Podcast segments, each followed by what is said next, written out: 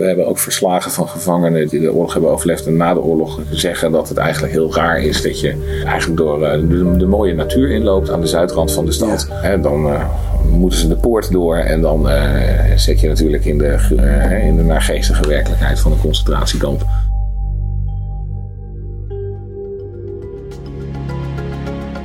Ik ben Sven, kleinzoon van Frans en Fien Kentin. Toen mijn opa overleed, vond ik een oud ontslagbewijs van concentratiekamp Amersfoort.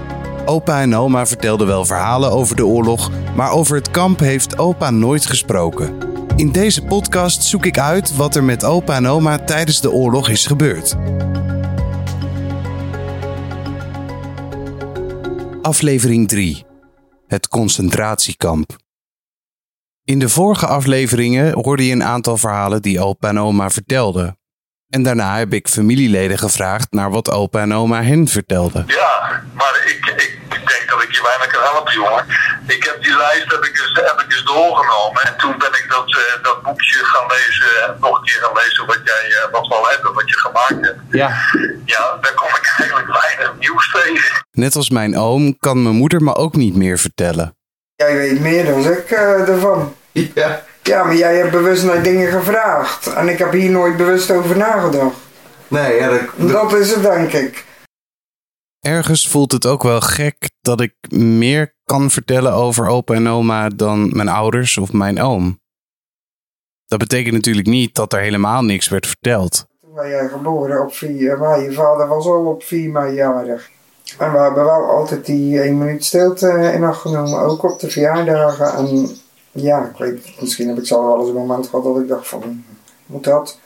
Maar goed, uit respect. Nou, ik wist niet dat mijn vader en moeder daar wel eh, opgesteld waren. En dan, dan eh, zei ja, dan hoorde je toch ook vaak van jongens, het is heel wat geweest. En eh, ja, mensen kunnen zich me tegenwoordig misschien niet meer voorstellen, maar ik hoop één ding, en dat jullie, mijn kinderen, dat nooit van zijn leven mee hoeven te maken.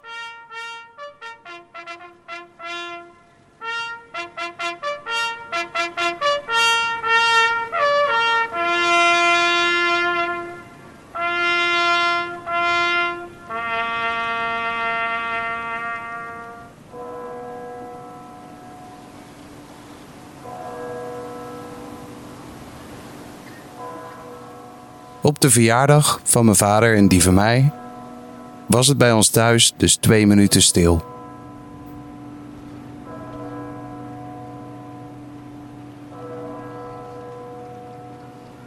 Dat zei hij ook wel heel vaak over andere mensen die echt zoveel verschrikkelijke dingen mee hebben gemaakt. Ja, die, daar had hij het ook vaak over. Ja, over, over, eh, juist ja, over anderen en eh, ja, die hebben moeten vechten, die zijn toch maar eh, daar gevallen en gewond geraakt en eh, daar had hij het ook wel over, ja, dat dat heel heftig was. En dan vooral over de ander. Ja, ja, ja. Vooral dus over de ander. Niet te veel over je eigen leed. Misschien deden ze dat omdat ze het niet gepast vonden om te praten over wat zij hadden meegemaakt. Terwijl er in die oorlog verschrikkelijke onmenselijke dingen zijn gebeurd. Zoals de Holocaust bijvoorbeeld.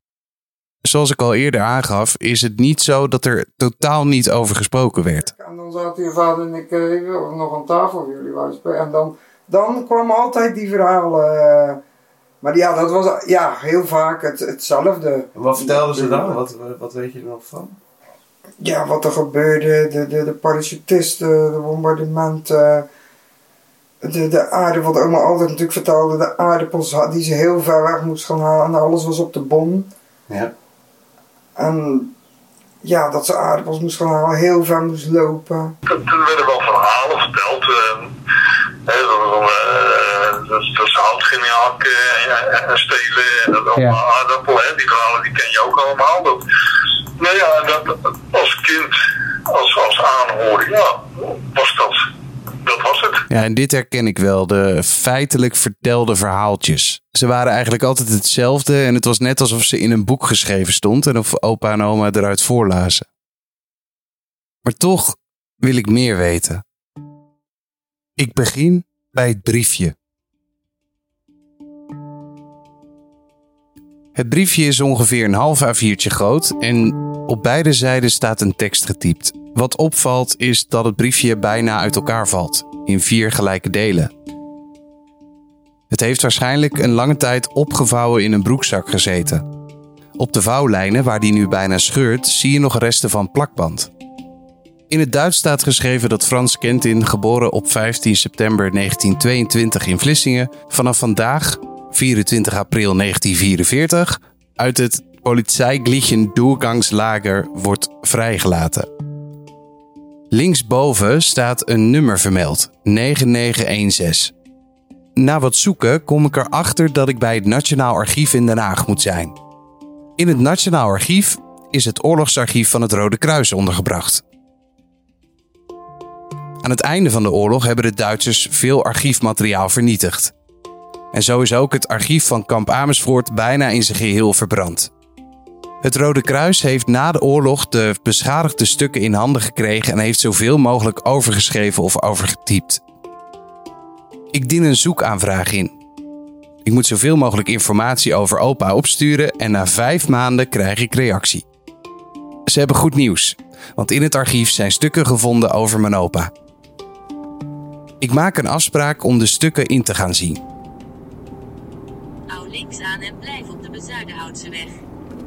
Onderweg merk ik dat mijn nieuwsgierigheid groeit. Goedemorgen, Goedemorgen. ik ben hier voor het eerst. Welkom. Dank. Eh voor het beperkt openbare gedeelte mag u de telefoon niet bij zich houden. Nee, Maar omdat het een combinatie is, kunt u hem nu wel meenemen. ja, Dan kunt u de kleine kluisjes in de studiezaal gebruiken om de de telefoon even weg te ja. leggen. Bij de balie krijg ik een kartonnen doos met daarin een kartonnen blauwe omslag. Op de omslag staat op een sticker het Nederlandse Rode Kruis persoonsdossiers Europees. In de map zitten drie documenten.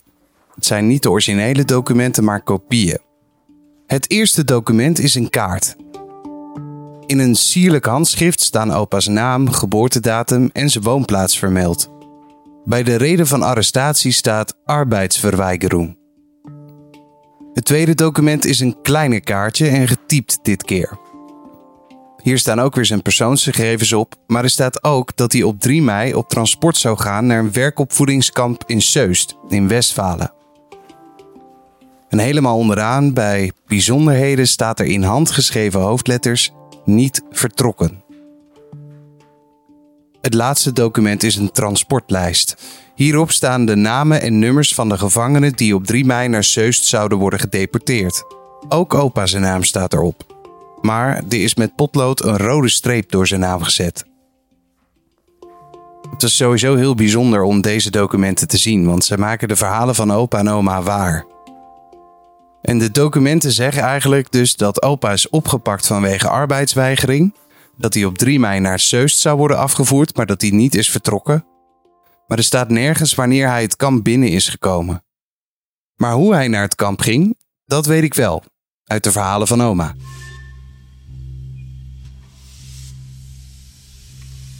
In de vroege ochtend stond Alma met een zakje boterhammen te wachten op het station van Dordrecht.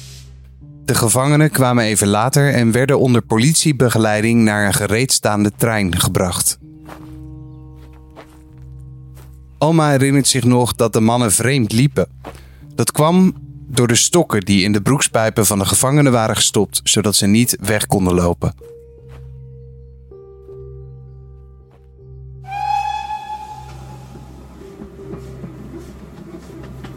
Tijdens de treinreis spraken opa en oma niet veel. En bij de overstap in Rotterdam leek het opa beter dat oma niet verder mee zou reizen. Wie weet wat ze daar zouden aantreffen.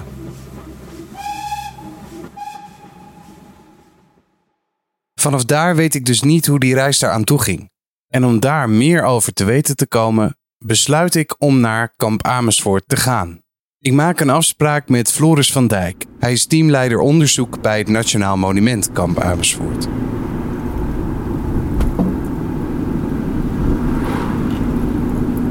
Als ik hier aankom rijden, dan. eh, als ik hier zo rijd, dan zou je haast denken dat het een soort. ja, het is een soort bosgebied, een soort buitengebied van de stad. Het doet heel vrolijk aan. Wat me opvalt is hoe mooi het gebied overkomt. Een lange laan met aan beide kanten bomen, alles groen en rustig. De vogels die chilpen, de zon die schijnt. Tot er aan de linkerkant een grote poort en een donkere wachttoren verschijnen. Het voormalige terrein ligt ten zuiden van de stad, in de gemeente Leusden. In de jaren 60 is het oorspronkelijke kamp helemaal afgebroken. En op het terrein staan nu diverse gebouwen, waaronder een gebouw van de politieopleiding. Een klein stukje is gereserveerd voor het Nationaal Monument Kamp Amersfoort. Hier vind je een bezoekerscentrum en een in 2021 geopend gloednieuw museum. Maar hierover later meer. Wat je achtergrond is uh, en... Uh... Ik ben Floris van Dijk en uh, ik ben uh, als historicus uh, hoofd van het onderzoeksteam hier bij Nationaal Monument Kamp Amersfoort. Als eerst ben ik benieuwd hoe het eraan toe ging van het station naar het kamp. Want dat ligt nog best ver uit elkaar. Vanaf het centrum van Amersfoort, dan moest je dus naar de zuidkant van de stad. Dan moest je dat, werd dat vaak dus onder bewaking in een lange kolonne gewoon te voet afgelegd. En we hebben ook verslagen van gevangenen die dus inderdaad na de oorlog, die de oorlog hebben overleefd en na de oorlog hun memoires vastleggen. En die ook zeggen dat het eigenlijk heel raar is dat je eigenlijk door de, de, mooie natuur inloopt aan de zuidrand van de stad. Ja. Uh, en daar ligt dan dus aan de rand van de Leusdenheide in één keer, hè, dan moeten ze de poort door en dan zet je natuurlijk in de, in de naargeestige werkelijkheid van een concentratiekamp. Als de groep dan aankwam, kwamen ze dan al gelijk bij deze poort? Ja, dat weggetje dus, wat de Appelweg heette, dat, dat liepen ze dan een stuk in. En dan kreeg je dus aan de linkerzijde, zeg maar, dat was de hoek van het kamp.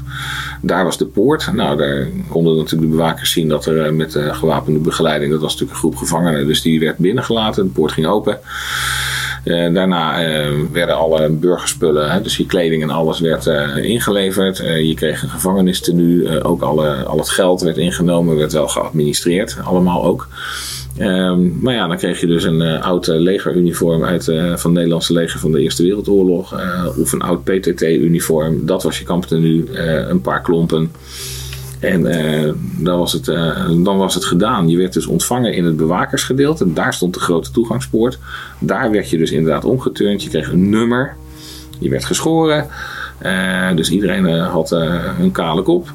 En nou, ontdaan van al je, ja, je kan zeggen, je identiteit, je eigen kleding, je eigen spulletjes, liep je dan vervolgens weg door de tussenpoort gedreven naar het gevangenengedeelte. En daar stonden de barakken waar de gevangenen verbleven.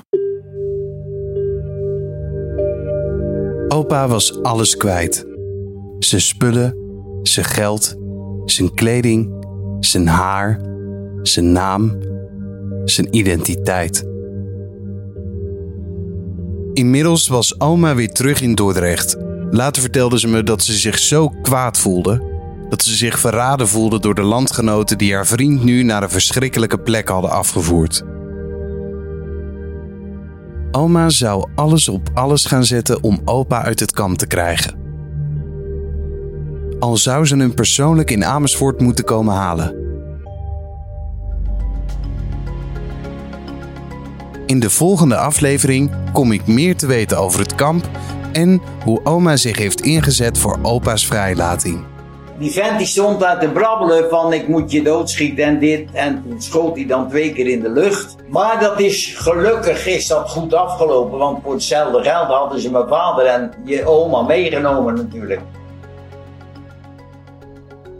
Ben je benieuwd naar de volgende aflevering of wil je meer weten? Volg ons dan op Instagram en Facebook.